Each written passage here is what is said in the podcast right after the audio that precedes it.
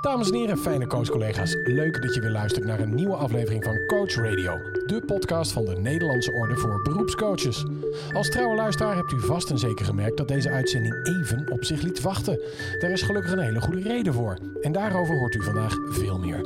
De Nopco gaat namelijk een eigen online Nopco Academy creëren. En is druk bezig met het ontwikkelen van content en het bouwen van een eigen studio. Ja, u hoort het goed. Over een paar maanden zal ook deze podcast live vanuit Zwolle worden opgenomen. Voor nu heet ik u van harte welkom bij aflevering 9 van Coach Radio.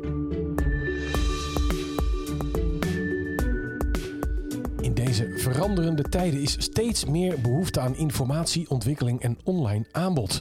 Daarom ook de keuze van het bestuur om in te zetten op een modern, efficiënt en vooral leerzaam platform. In deze aflevering spreken we erover met contentschrijver Martin Heijnen, emeritus hoogleraar onderwijspsychologie Paul Kirschner en ook boekenrecensent Jelle Westerdorp verblijdt ons weer met zijn passende lectuur. Maar allereerst even terug naar de bron. Van harte welkom ook bestuurslid Lilian Dekkers. Lilian, goeiedag. Hoi, fijn om er weer te zijn. Superleuk. Ja, je bent helemaal ingebeld van afstand, want er waren allemaal familiaire aangelegenheden waardoor je niet bij ons kon zijn vandaag. Maar, ja, te triest, maar... Het is, nou ja, het komt allemaal Zo werkt dat. hey, een eigen studio en een, een online academy, dat is nogal wat. Hoe kwam je op dit idee?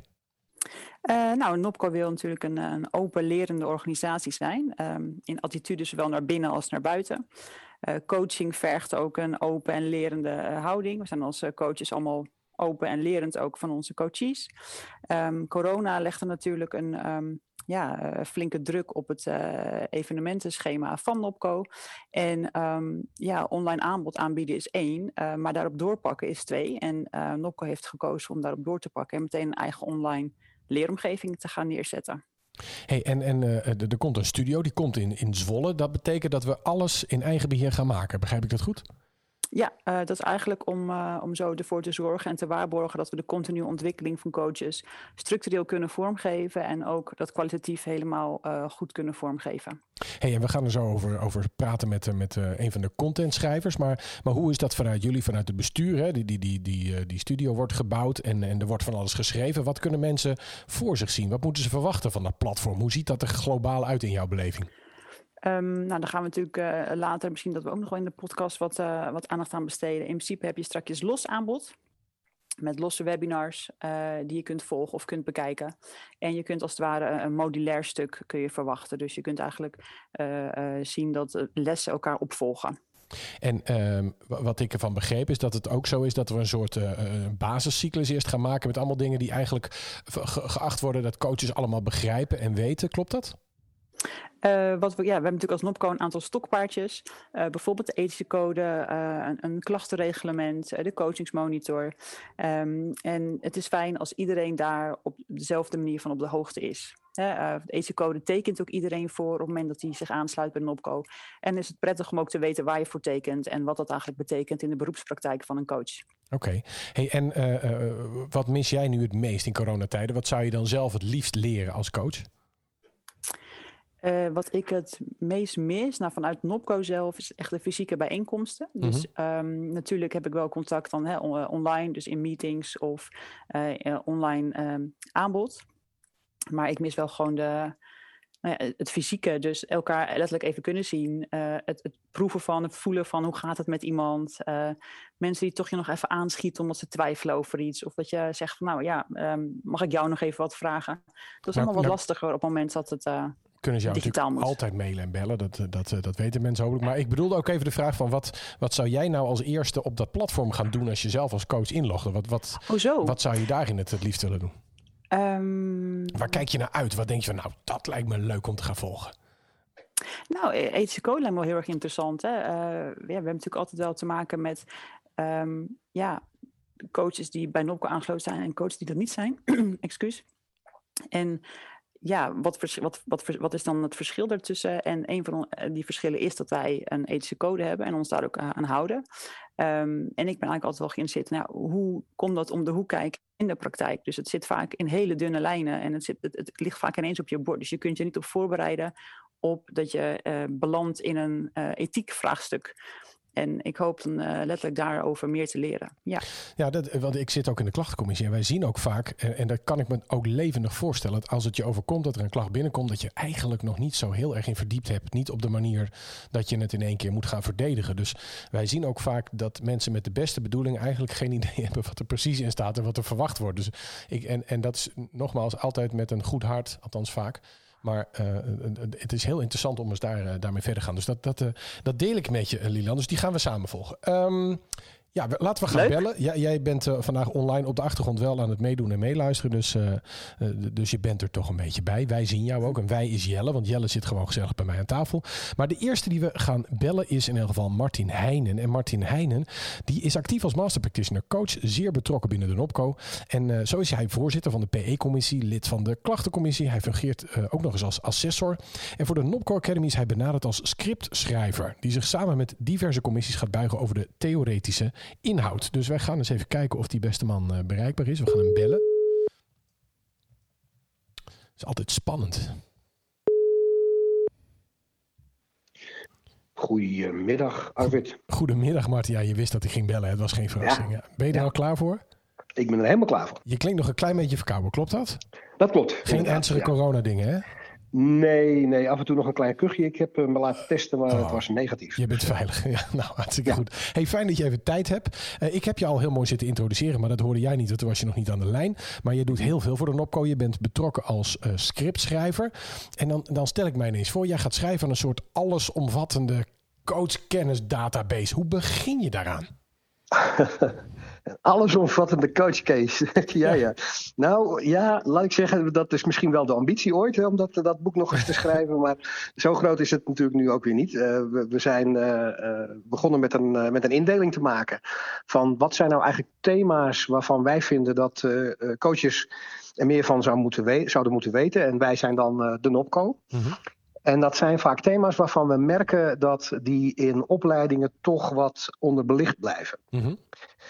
Uh, dus we zijn niet zozeer bezig om een, om een, nou, nieuwe opleiding te maken of zo, hè, maar we zijn vooral bezig, uh, en ook niet zozeer bezig om, om nieuwe vaardigheden, om vaardigheden in te trainen of zo, maar te kijken naar aspecten die voor de NOPCO van belang zijn. Dus we hebben drie lijnen gemaakt: ethiek in coaching, waarin we alles vertellen over de internationale ethische code, het klachtenreglement en hoe je nou omgaat met ethische dilemma's. Ja. En de tweede lijn is uh, de ontwikkeling als beroepscoach. Mm -hmm. uh, wat gaat over dingen als reflecteren, je PE-punten, evalueren, intervisie, supervisie. En de groei naar meesterschap. Dat is de derde lijn. En daar gaat het over hoe kom je nou verder als coach? Hoe word je beter als coach? En hoe certificeer je je ook als coach? Hey, en en um, zit je dan in je eentje met een bloknoot en in jouw, uh, weet ik veel, tuinhuisje met een kopje thee dat allemaal te schrijven? Of is dit een soort collectief proces? Nou, het, het begint er uh, mee dat ik informatie vraag van collega-coaches die bij de opkoop betrokken zijn. Van joh, heb jij informatie over, over dit thema? Dat, dat, dat ben ik nu aan het doen. En er komen allerlei dingen binnen, van PowerPoint-presentaties tot, tot hele verhandelingen en artikelen en zo.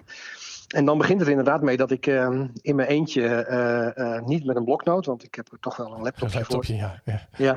ja. en ook niet in mijn tuinhuisje, maar aan mijn bureau, in mijn, op mijn kantoor ga schrijven. Oké. Okay. en dat gaan we dan inderdaad terugleggen bij die collega's die hebben bijgedragen met de vraag van kijk hier eens naar, is dit nou volledig, is dit wat we willen zeggen?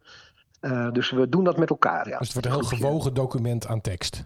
Zeker, ja. Okay. ja. Hey, en en welke aanpak hebben jullie nou bedacht? Want vandaag in de, in de podcast gaat het over die academy die we gaan maken. Maar welke aanpak hebben jullie nou bedacht om te zorgen dat die content goed te volgen is en dat die aansluit bij de leerbehoeften van onze coaches? Ja, ja. Nou, dat is een goede vraag. En dat is ook eigenlijk een proces waar we nog wel even mee, mee bezig zijn. Om te kijken van hoe bouw je dat nou precies op? Want dat is nog best lastiger dan je zou denken vanaf het begin. Maar uh, we hebben dus gekozen voor die drie leerlijnen die ik net noemde. Ja. En die zijn onafhankelijk van elkaar te volgen. Dus je kunt uh, elk van die drie leerlijnen opstarten wanneer je maar wil. Mm -hmm. En per leerlijn hebben we dan een aantal webinars. Uh, waarin we steeds een thema behandelen. Uh, en dat webinar dat, dat moet je zien als een, een, webinar wat je kunt bekijken, waarin een presentator, dat, dat kan ik zijn, maar dat kunnen ook andere coaches zijn, je als het ware wat meer vertelt over dat betreffende thema. Ja. Um, En als dat webinar klaar is, dan uh, zijn er een aantal deelonderwerpen waarin we onderdelen wat meer specifiek belichten. Oké. En dus dat, daar wordt het wat meer instructieachtig ook. Ja. Ja, dus zo doe je dat. En uh, die worden afgesloten met een aantal vragen. Oké, dus dan kun je zelf ook toetsen of het, eh, of het is blijven hangen. Exact, want dat is natuurlijk de bedoeling. We willen wel op een of andere manier een beetje waarborgen dat het ook daadwerkelijk is blijven hangen. En krijg ik daar een cijfer voor? Of is het dan zo, als het niet goed is, nee, mag ik het overdoen? Nou, ja, in zekere zin wel. Als het niet goed is, eh, dus als je de verkeerde antwoorden geeft, dan, dan krijg je de vraag nog een keer. Ja, en precies, als ja. je alle vragen goed beantwoord hebt, dan eh, kun je door naar het volgende webinar binnen dat thema. Dus het is allemaal bedoeld om te leren, niet om te toetsen zozeer. Het gaat Nee, nee, het- nee, nee, precies. Oké. Nee, ja, nee, ik vraag het maar. Ik kan me voorstellen dat Ja. mensen luisteren. Nee, ik nee, zie Jelle, examen. Jelle werd een beetje bleek hier aan tafel. Dus ik Ja, ik ja, ja, ja. Voor, Jelle, begrijp ik. voor Jelle snap ik dat. Begrijpt wel. dat het voor mij helemaal niet uitmaakt. Nou, eh, he- heb, heb jij alvast een eerste les waarvan je zegt, nou, voor de luisteraars die... eh, Dat komt zeker terug. Ja, ik heb er twee eh, eh, eigenlijk in mijn hoofd eh, nu je die vraag stelt. Eh, en de eerste is toch wel ehm, het belang van eh, het bijhouden van je vak. Door middel van reflectie, dus echt zelf nagaan. Hè, dit, ons vak vraagt erom dat je, dat je eh, aandacht besteedt aan hoe doe ik dat nou? Wat is er gebeurd? Werkt het? Eh, hoe had ik het anders kunnen aanpakken? Waarom werkt dit niet? Mhm. En ook in hoeverre heeft dat nou relatie met mijn, met mijn persoon? Hè? Dus hoe, hoe integreer ik nou mijn persoon en, en mijn coachvak eh, eh, goed? Wat is van mij en wat is van de ander? mhm. Daar gaan we zeker eh, aandacht aan besteden. En het tweede, ja, ik denk toch ehm, omgaan met ethiek. Hè? Een ethisch ongeluk zit in een klein hoekje, ehm, zeg ik altijd maar. Het is verrassend hoe vaak we tegen ethische vragen aanlopen in dit vak. En ook hoe vaak dat toch dan niet goed gezien wordt of niet voldoende opgepikt wordt. Of daar op een onhandige manier mee omgegaan wordt. Eh we zien dat ook als eh, leden van de klachtencommissie wel eens terug. Hè, dat we ons afvragen van, goh, heb je nou gezien dat hier een ethisch probleem speelt? En eh, ja, ik denk dat dat de, de, de tweede les is die ik graag zou willen meegeven. En als ik daar heel direct aan jou vraag, ik zet je even voor het blok zonder dat je dat wist, maar, maar heb jij dan Mhm. een, een ethisch vraagstuk waar je zelf ooit mee geworsteld hebt, dat je eens kort kunt toelichten van, ja, dit is nou een typisch voorbeeld van zo'n vraagstuk? Ja, ik, heb dat, ik, ik ben, eh, ik ben eh, full Monty gegaan in, de, in, een, in een webinar wat we al een keer hebben opgenomen een tijdje geleden. En dat, ben ik, dat ging over de ethische code. En daar heb ik eh, verteld over een, eh, een situatie die ik zelf heb meege- meegemaakt. En ik zou bijna zeggen, kijk dat webinar, want dat, dat staat nog, dat is Ja, dat- beschikbaar. Dat vind ik leuk, dan gaan we dat doen, want, want anders Ja. dan gaan we het nu uitleggen. Ja, want is nu- het een lang verhaal. Maar dan, dan, dan, daar zie je mij in mijn volle kwetsbaarheid. Ja, dus dan, Daar eh, kijken we ze sowieso naar uit. ja, natuurlijk. sowieso Dat is eh, Ja. fantastisch. Hey, Ja. Fijn dat je eventjes tijd voor ons had. Heel veel sterkte met schrijven, want jij gaat dus echt heel veel moeten schrijven. Als Ik ga, ja, ja, dat soort verrassend veel uren worden, denk ik. Ja, Dat, ja. dat wordt heel gezellig. Hey, dankjewel Martin, we kijken er enorm naar uit en veel succes. Ja dankjewel voor jullie aandacht. Yo, hoi. Hoi, hoi. Dankjewel. Hoi, hoi.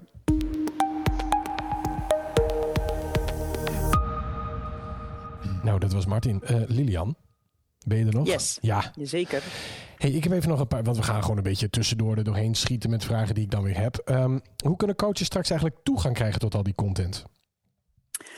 Er is een verschil tussen nu en straks. Ja, Eh, laten we straks, laten we de beoogde situatie doen.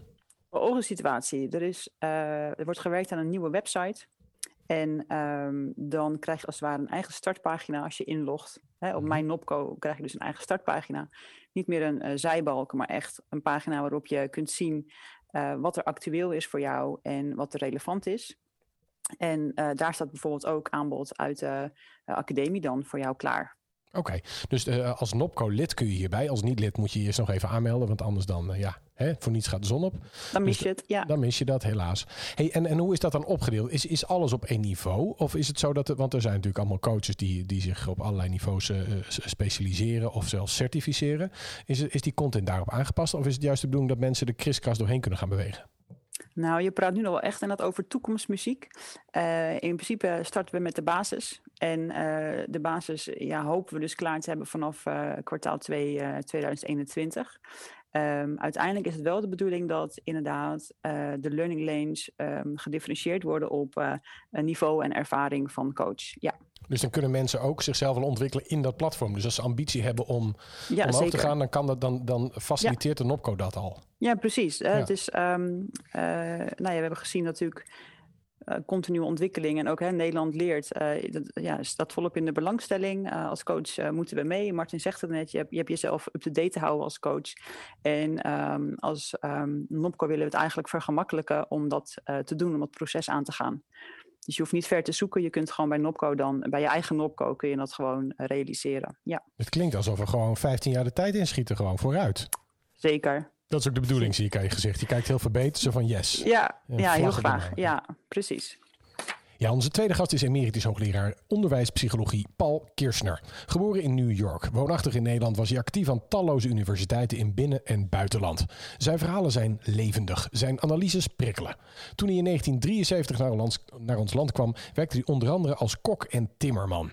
Deze vaardigheden houdt hij tot op de dag van vandaag actueel en doorspekt zijn analogieën met deze kennis. Met ruim 350 wetenschappelijke publicaties, allerlei topfuncties en eredoctoraten is hij met recht de expert op dit vlak. En daarnaast een zeer begaafd spreker die ons vandaag te woord kon staan. Van harte welkom, professor Kirchner.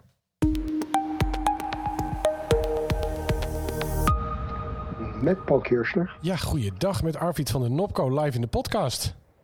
Nou, leuk. Wat fijn dat u eh, even tijd voor ons heeft ja, leuk om u aan de lijn te hebben. Ja, hartstikke geweldig. U, u, u bent morgen jarig, dus, eh, dus wij, wij, spreken nu nog, uh, nog net vlak voor alle festiviteiten. Is het grote feest al klaar? Want ik begreep, u bent kok uh, geweest. Is het grote feest al voorbereid? Uh, nou ja, in deze coronatijden zijn grote feesten uit de boze. Och. Dus morgen ga ik het heerlijk knus met mijn vrouw mijn verjaardag vieren. En misschien in het weekend mooi gedoseerd kinderen en uh, kleinkinderen zien. Oh, nou, uh, wordt vast heel erg gezellig op, op bescheiden wijze.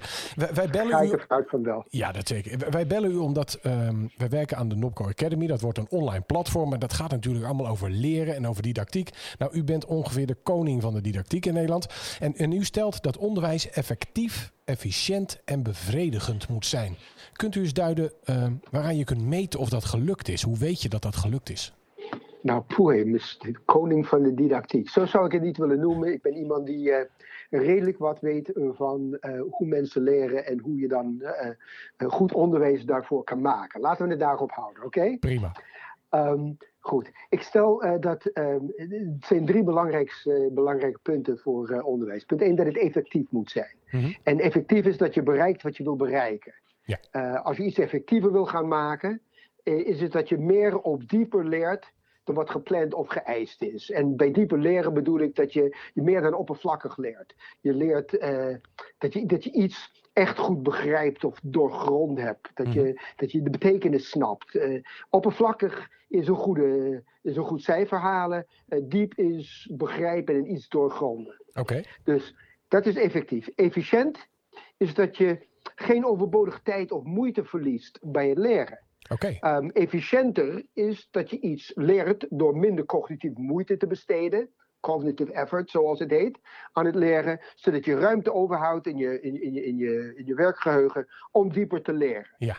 Dus dat willen we ook bereiken. En bevredigend, ja, dat is niet leren leuker of, of, of, of geiniger maken of zoiets. Uh, leren is moeilijk. Ja. Uh, en uh, daar moeten we niet omheen dansen. Um, maar het betekent dat je na het le leren het gevoel van voldoening hebt, van bekwaamheid, uh, van uh, ik kan nu meer doen en ik weet meer dan toen ik begon. En dat heb ik overgehouden aan de leerervaring. En, en alle drie kan je goed meten. En wat moet dan de aanleiding zijn voor mensen om te gaan leren? Want u kwam naar Nederland, 1973 uh, uh, heb ik me laten vertellen. En, en, en dan moest u dat allemaal opnieuw gaan ontdekken in een vreemd land. wat is dan de aanleiding om bepaalde dingen te gaan leren? Nou, je bedoelt voor mij? Ja, voor uzelf, ja. Nou ja, uh, er zijn een heleboel dingen. Punt 1, om um, zo uiteindelijk uh, wetenschapper en onderzoeker te worden, was het pure frustratie. Omdat ik was uh, van oorsprong, in Amerika in ieder geval, docent, middelbare school, ja. wiskunde en natuurwetenschappen. En ik had heel normale kinderen. Maar er waren altijd in, in een klas van 30 kinderen, 5, 6, 7, die iets niet begreep. Ja. En uh, uh, wat ik ook deed, hoe ik het ook probeerde, uh, hoe ik ook toepaste wat ik geleerd had bij mijn lerarenopleiding, is het me niet gelukt. En ik raakte zeer gefrustreerd. Dus het is voor mij belangrijk om achter te komen hoe mensen leren. En, en, hoe je het studiegedrag van iemand kan beïnvloeden om te zorgen dat zij of hij wel leert. En is die urgentie bij alle mensen nodig? Dat je een bepaalde urgentie voelt om iets nieuws te gaan ontdekken? Oeh, nee. Dat, die urgentie is niet, niet, niet, niet, bepaald nodig. Ehm, ik, ik, ik denk niet dat de meeste kinderen voelen een enorme urgentie om iets te gaan leren. Maar het is voor hen heel belangrijk en de meesten doen het ook heel goed. Okay. Dus die, dit gevoel van urgentie is, is niet, niet nodig. Een, gevoel van urgentie is als je buiten uh, zeg maar, uh, de uh, zeg maar, schoolgaande periode ja. ineens iets wil gaan doen, dan moet je het vanuit jezelf. Word je niet gedwongen, er is geen meester of juf of docent of wat dan ook die het voor je doet. En dan komt dit vaak vanuit jezelf. Oké. Duidelijk. Hey, en u zei zo net, het gaat ook wel hè, uh, uh, over dat dieper leren. Nou, nou hebt u wel eens een analogie gebruikt van het bakken met gist. Kunt u onze luisteraars eens meenemen in dat perspectief? Hoe linkt u dieper leren aan gist? Nou, ik zal het proberen uit te leggen. ja, graag. Um, kijk, als je oppervlakkig iets leert, dan weet je bijvoorbeeld dat gist en bakzoden uh, of bak, en bakpoeder allemaal zorgen dat een cake of een brood rijst. Ja. Oké? Ja. Dat, dat, dat is oppervlakkig. Uh, je doet het erin en op een of andere wonderbaarlijke wijze uh, rijst het. En je kan op een tentamen zeggen van, nou, hoe kan je zorgen dat je brood rijst? Nou, je, je gebruikt gist of je gebruikt bakzoden of je gebruikt bakpoeder. Klaar. Ja. Maar als je dieper gaat leren, weet je dat gist is een biologisch proces. Het werkt optimaal rondom de 37 tot 40 graden. Maar het gaat dood of het proces ophoudt bij een hoge temperatuur. Uh, het voedsel. Uh, het, het, het, heeft voedsel nodig. Het, het is een levende beest. Het heeft suiker en, nodig. Dus ja. het heeft suikers nodig, suikers. Ja. Ja, ja. Uh, nodig. En het wordt geremd door zout en olie. Ja. Baksoda daarentegen is een puur chemisch proces. Ja. Het werkt optimaal op hoge temperaturen in de oven. En het werkt niet of nauwelijks bij lage temperaturen. En het heeft een zuur nodig om te werken, zoals karnemelk of azijn of citroenzuur. Mm -hmm. Bakpoeder is ook een chemisch proces, werkt ook optimaal bij hoge temperaturen in de oven, uh, werkt niet of nauwelijks bij lage temperatuur, maar heeft geen zuur nodig om te werken, omdat bakpoeder een combinatie is van baksoda, het is een carbonaat, en door de chemische reactie geeft het koolzuur af en zorgt het voor luchtbellen en rijst het. Ja. En een zuur, zodat je gewone melk kan gebruiken. Nou, kom je in een situatie waarin je geen bakpoeder hebt uh, in, je, in, in, in je kast, maar wel baksoda, en je wil er gebruik van maken, als je er diepe kennis ervan hebt en denkt van, hé, hey, heb ik nou karnemelk? Oh, nee, maar ik, ik kan wel een beetje een, een, een citroen uitpersen en kan ik ook de, het, het proces op gang brengen. Mm -hmm. Dat is het diep leren, het begrijpen, het, het, het waarom en het hoe achter het wat. En is, is de dieper leren dan ook uh, per definitie duurzamer, omdat je voor nieuwere situaties, verschillende situaties ook die kennis kunt toepassen? Nou, het is bruikbaarder, Bruikbaarder. duurzamer. Ik bedoel, ik denk dat iedereen uh, die misschien op de, uh, op de kopschool of, of, of, of, of de middelbare school of wanneer dan ook heeft geleerd je kan gist of bakpoeder, dat hij ook, hij of zij, op zijn zestigste of zijn zeventigste nog eens weet. Mm -hmm. Maar dat is even iets anders dan je dit echt goed gebruik van kan maken in allerlei situaties. Dat je snapt wanneer moet ik of kan ik het ene of het andere gebruiken? Hoe zal het werken in een bepaalde situatie? Ik, ik, ik vergelijk het ook soms met um, mensen die een enzymwasmiddel gebruiken. En het staat erop gebruiken bij 30 tot 40 graden. Ja. En ze denken van, oh, als je iets schoner wil hebben, was je op 60 of 90 graden. En snappen niet dat, dat een enzym, enzym afbreekt ja. bij hogere temperaturen. Nou, uh, dan, dan, dan, dan is het niet zo nuttig om te weten dat je een enzym waspoeder kan gebruiken bij vlekken, als je dan het in de wasmachine doet met 60 of 90 graden, nee. omdat die vlekken komen er niet uit. Nee, nee dat, dat klinkt logisch. En, en wat zijn nou de voorwaarden van een, van een leerling of een student om zich optimaal te kunnen voeden met de aangeboden lesstof?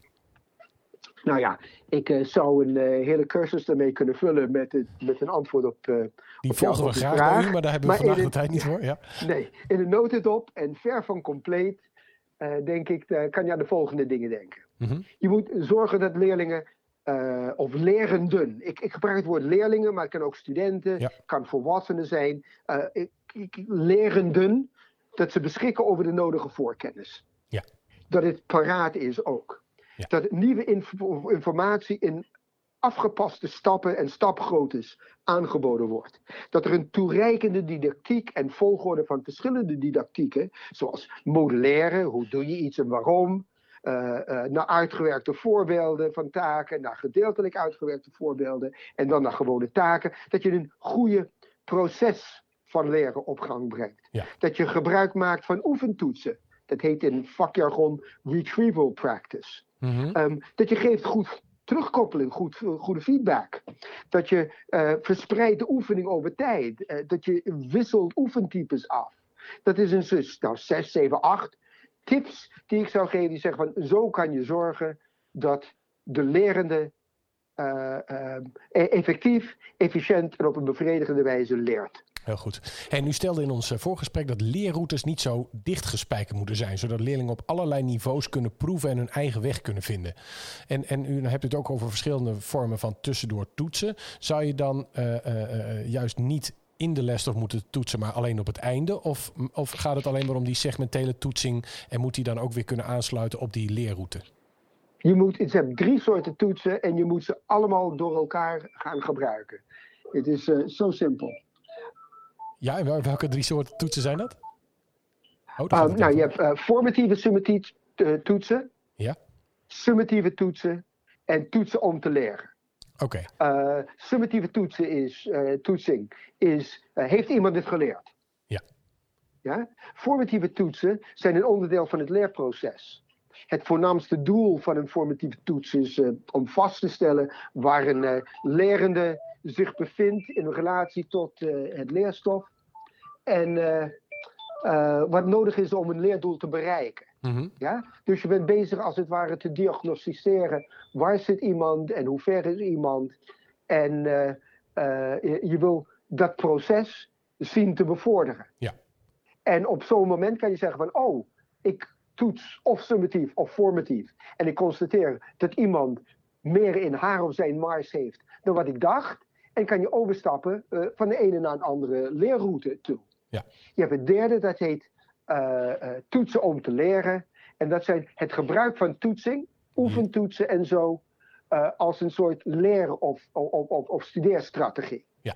Nou, alle drie zijn dringend nodig binnen het onderwijs. Nou heeft mijn dochter heeft zo'n app, dat heet Schoola. Ik weet niet of u dat ooit eh, hebt gezien. Heb ik wel eens gezien. Ja, dat, dat, dat maakt van die laatste heel erg gebruik. Dus kinderen worden heel erg met al die toetsjes tussendoor inderdaad wordt het gebruikt om het te leren onthouden. Dus dat is wel, eh, wel herkenbaar. Hey, in, uw- in uw boek, een van uw vele boeken moet ik zeggen, eh, Op de schouders van reuzen, benoemt u de tien hoofdzonden van didactiek. Nou, om te voorkomen Ja. dat wij daarin gaan donderen. Wij hebben de boeken hier liggen, dus we gaan ons er meer in verdiepen natuurlijk. Maar van welke hoofdzonde gruwelt u nou het allermeest?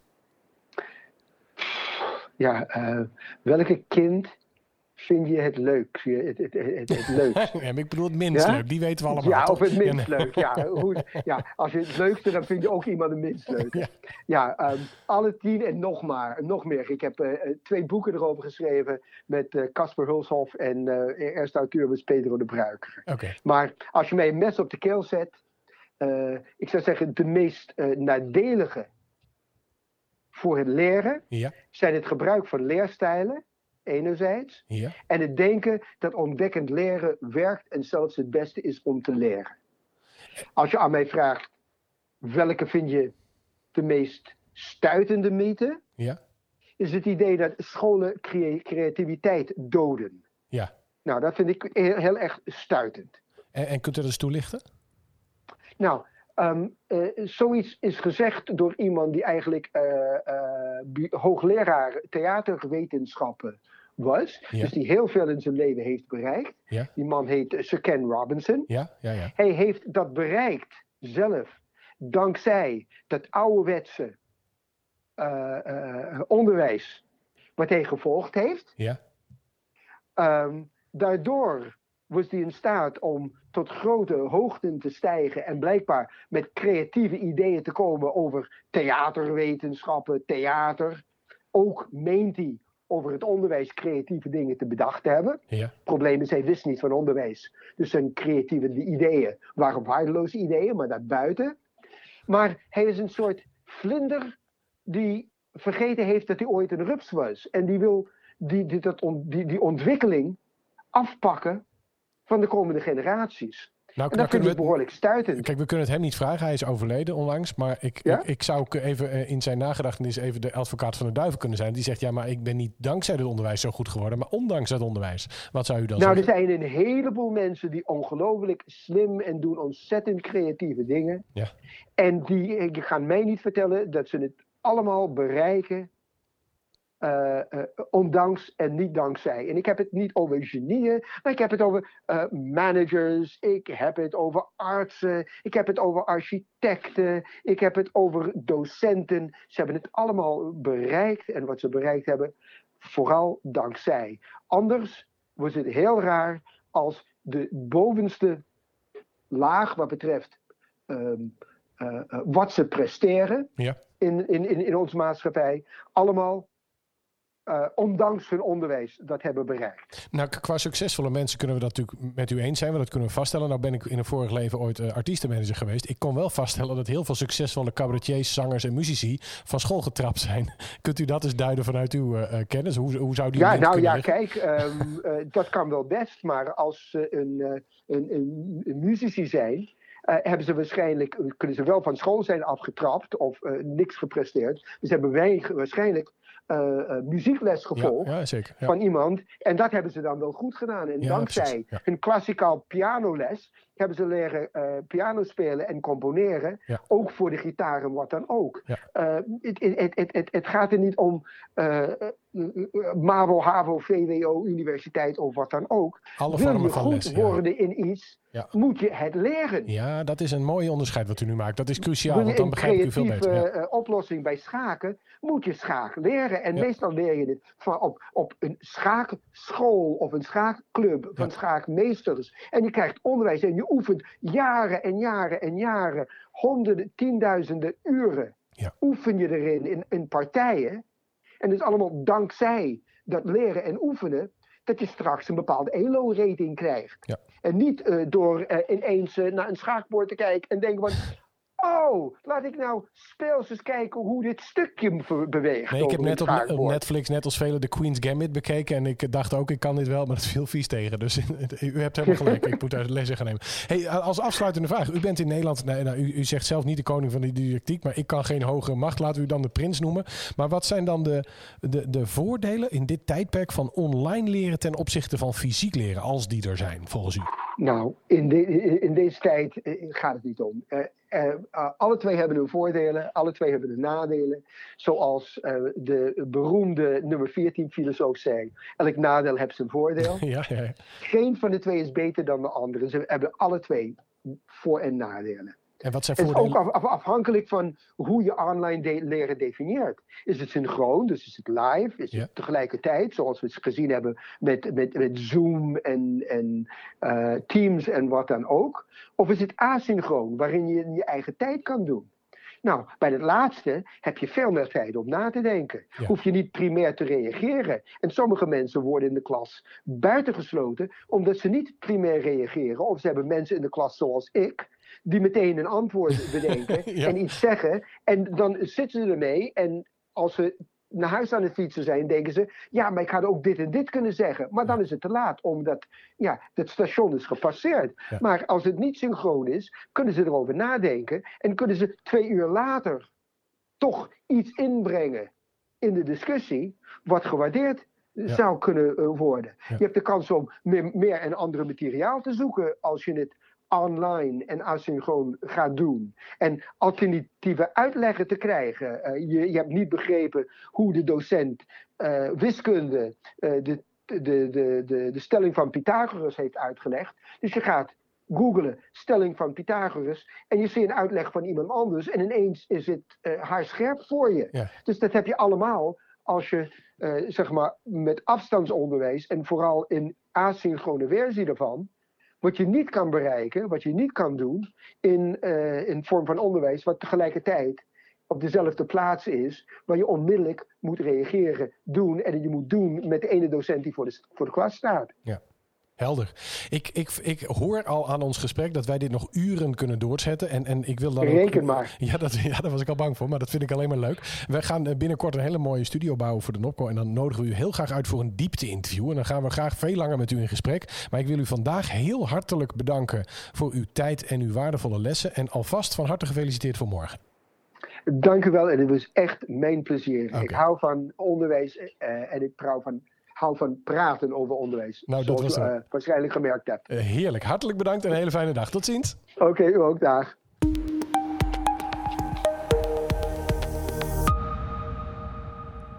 Ja, en dan is het nu tijd voor onze favoriete hobbyfilosoof en coachcollega. Ook vandaag weer live hier in het prachtige Drachten. Boekrecensent Jelle Westerdorp.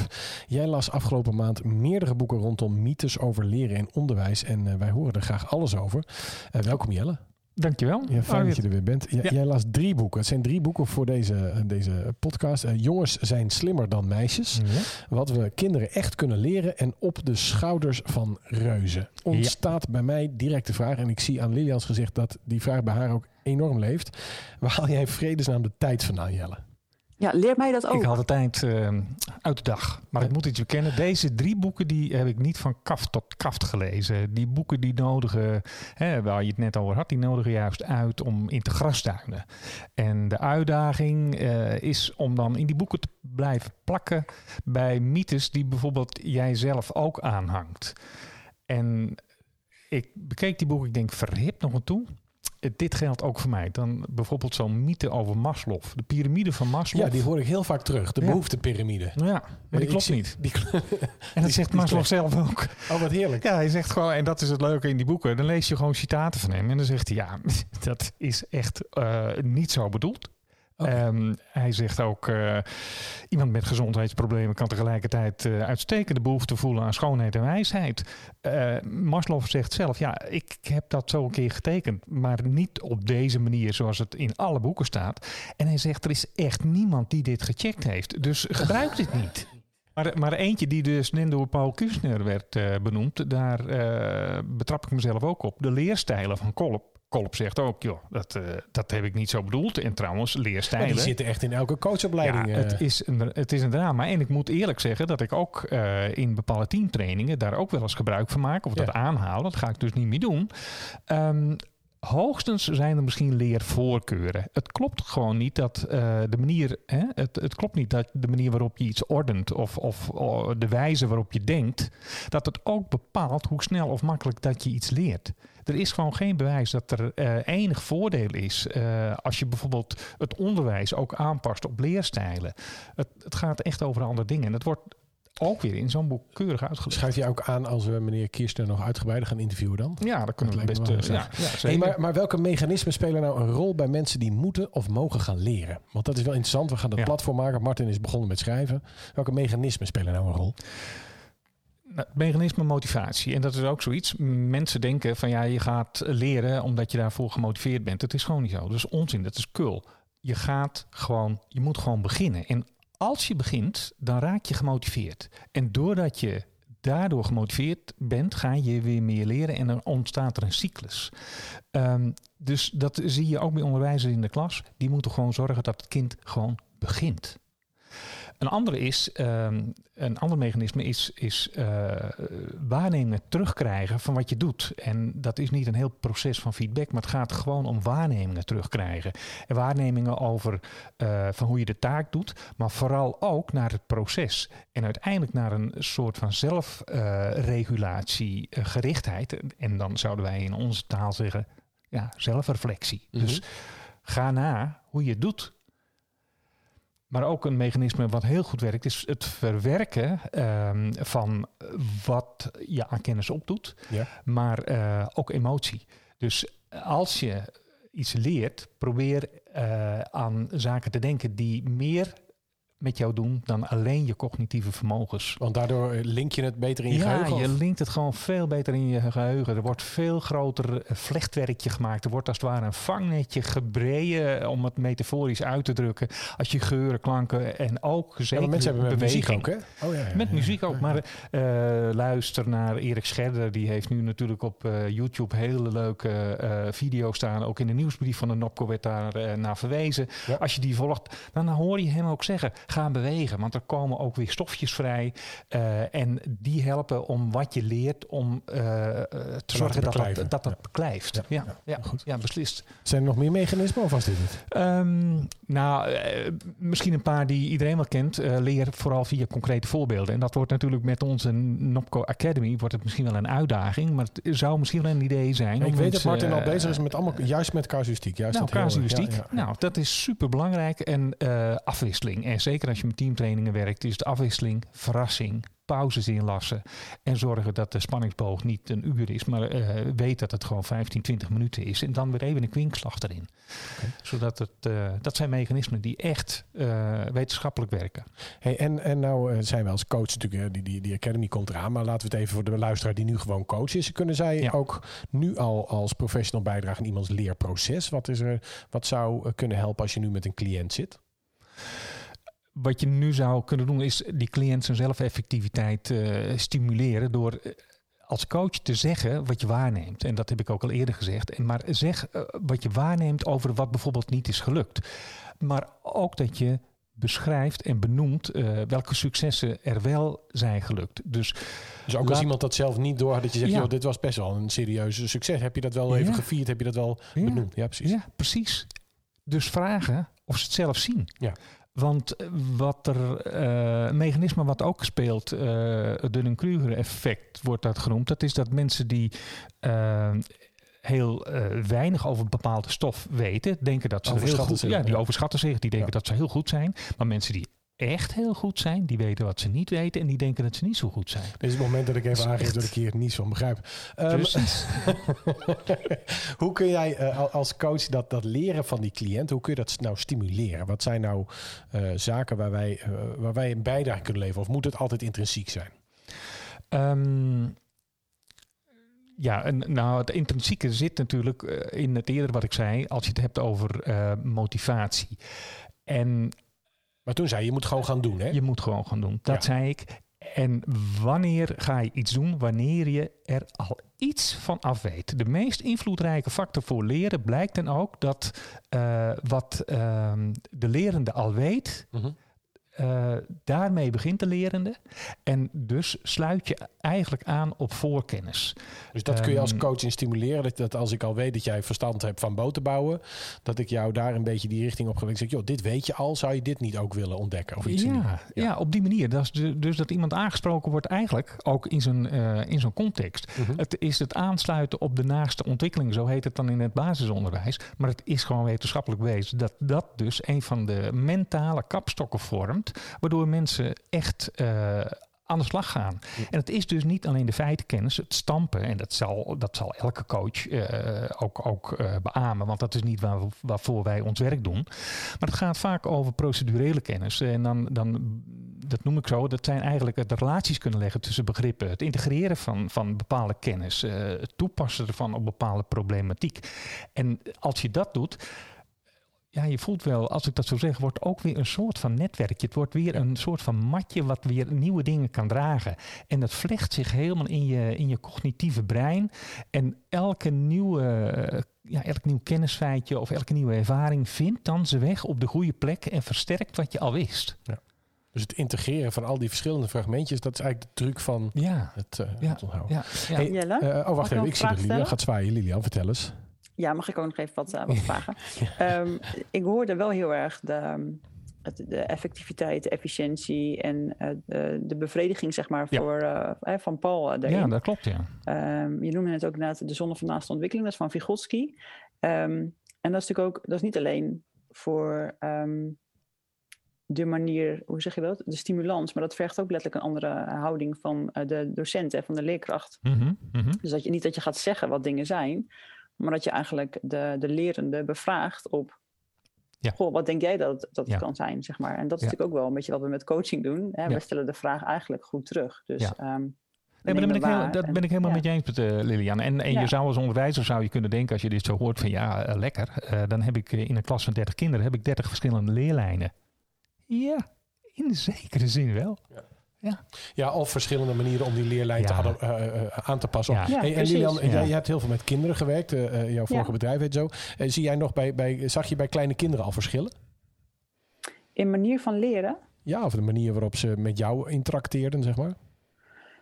eh, ja, natuurlijk de, de manier van ver- eh, verbaal. Dus gewoon het, het verbaal, eh, de vraag begrijpen. Ja. Ehm, dus dan in taalgebruik zit natuurlijk al heel veel. Daar kunnen we een grote winst in maken. Ehm, eh, dat heeft te maken ook bijvoorbeeld met ja, of kinderen voorgelezen krijgen, ja of nee. Ja. Mhm. Of ze zelf ook ehm, nou ja, taalgevoeligheid ontwikkelen. En het is helemaal niet dat ze alle deetjes en teetjes dan goed moeten kunnen ehm, neerzetten. Maar het gaat wel om ho- hoe lopen zinnen? Wat is het ritme? Eh, hoe kun je dingen onthouden? hè? Jelle geeft het mooi aan. Het is eigenlijk een netwerkje wat je creëert in je hoofd. Ja, daar heb je toch ook wel Vulling voor Eh, nodig, ja. vulling voor Ja. nodig, zeg maar. Dus eh, ja, wij, wij zijn nou eenmaal talig. Dus, dus wij gebruiken taal om dingen te duiden. En eh, ik vond het prachtig ook dat Paul dus zei van... joh, je moet eigenlijk na het leren het gevoel hebben van bekwaamheid. Dus hé, hey, ik ben een stukje gegroeid. Ik, heb, ik weet meer na dat ik met Lilian gesproken heb of, of geweest ben... of hè, dat ik met Jelle een boot gebouwd heb... weet ik nu meer dan dat ik voorheen wist. En, ja, want dat motiveert. Dan, Ja. ga je, dan zoek je elkaar weer op en dan wil je meer daarvan. Ja. Logisch. Hey, en Jelle, eh, eh, in dat boek eh, op de schouders van reuzen staan de tien hoofdzonden van de didactiek. Ja. Nou, ik vroeg Paul er al naar en die, die begon al bijna zo van, ja, maar dit is allemaal verschrikkelijk en ik weet er nog wel twintig. Maar welke hoofdzonde raakte jou nou het meest? Want jij bent, ik ken jou als wat, wat, wat beschouwender, wat rustiger, Ja, ja. zeg maar. Dat, dat, dat, hoe, wat, wat ja, welke, welke bij mij echt eh, werd geraakt, dat is die bewuste, eh, de beruchte leerpyramide. En er is geen enkele basis voor die percentages die weergeven dat bijvoorbeeld 5% dat we daarvan onthouden in een klassieke les, 10% wat in een boek staat, 20% als het audiovisueel is, 30% bij een demonstratie, 50% als je samen discussieert. Dat, je op gelul. die, dat is gewoon gelul. Ja. Dat is gewoon niet zo. Het, het, het is, het is, eh, er zijn wat percentages, er is wel een onderzoek die dat eh, eh, zegt. Maar ehm, dat gaat over hele andere aspecten dan puur algemeen dingen leren. Oké. Ehm, maar ook een andere, dat je problemen leert door problemen op te lossen. Hè. Je zei van ah, Jelle, bouwt bootjes, of in ieder geval repareert ze. Nou, ik heb echt wel gekeken van hoe andere mensen dat doen en hoe constructies werken. Eh, ik, ik kan het niet doen door gewoon maar te beginnen, want dat gaat niet goed. Je moet echt eerst beschikken over kennis en vaardigheden in het domein. Ehm, je moet echt leren oplosstrategieën te, eh, te, te, te, te, te ontdekken. En, en de kennis die je dan gebruikt, die eh, maakt dat je de dingen goed doet. Hè? De beruchte ziekenhuisdirecteur die zegt van joh, eh, ik ben gewoon directeur, ik kan ook eh, directeur van de koekjesfabriek worden. Dat is, dat is gewoon onzin. En gelukkig maatschappelijk zie je ook telkens die, die richting groeien. Ehm, Is dat net als bij, bij een kunstenaar die, die nooit echt iets helemaal nieuws verzint, maar altijd dingen meeneemt die hij gezien en geproefd Ja. heeft en daaruit iets nieuws maakt? Maar dat je toch altijd een Ja. soort ingrediënten nodig hebt? Ik, ik denk dat dat een, eh, een prima eh, eh, verbeelding is van, van, van, van hoe het ook eh, in die andere wereld gaat. Ja, nee, ik denk dat dat vergelijkbaar is. Nou, als, je, als je denkt van, oh, maar ik kan dit, dan kan ik vast in een ander domein dat ook. Ja, dan wordt heel vaak trial and error. En dat, dat gun je. bij de Dat, politie deze week net bij begonnen. Dat er, dat er dus leiders van buitenaf worden aangetrokken. Maar ik, Ja. in die context begrijp ik het. eh, Er zijn er ook dingen voor te zeggen, maar dat gaan we in een andere podcast doen. dat Even goed. terug naar de hoofdzonde van, Ja. de, van, van de didactiek. Ehm, nou, een eh, andere, uit, ja, andere hoofdzonde, maar die heb ik eigenlijk ook al eerder genoemd. Hè, dat, dat motivatie, eh, dat dat leidt tot leren. eh, de- tot leren. Eh, een leerling die gemotiveerd is, die begint gewoon. Eh, en, eh, of een leerling die gemotiveerd begint en geen succes boekt, laat ik het zo zeggen. Ja. Die is heel snel terug bij af. Hè. Dus als je denkt, ah, dat wil ik leren in het begin. ehm, alleen motivatie, daar red je het niet mee. Dat heb ik heel vaak als ik aan een boek begin.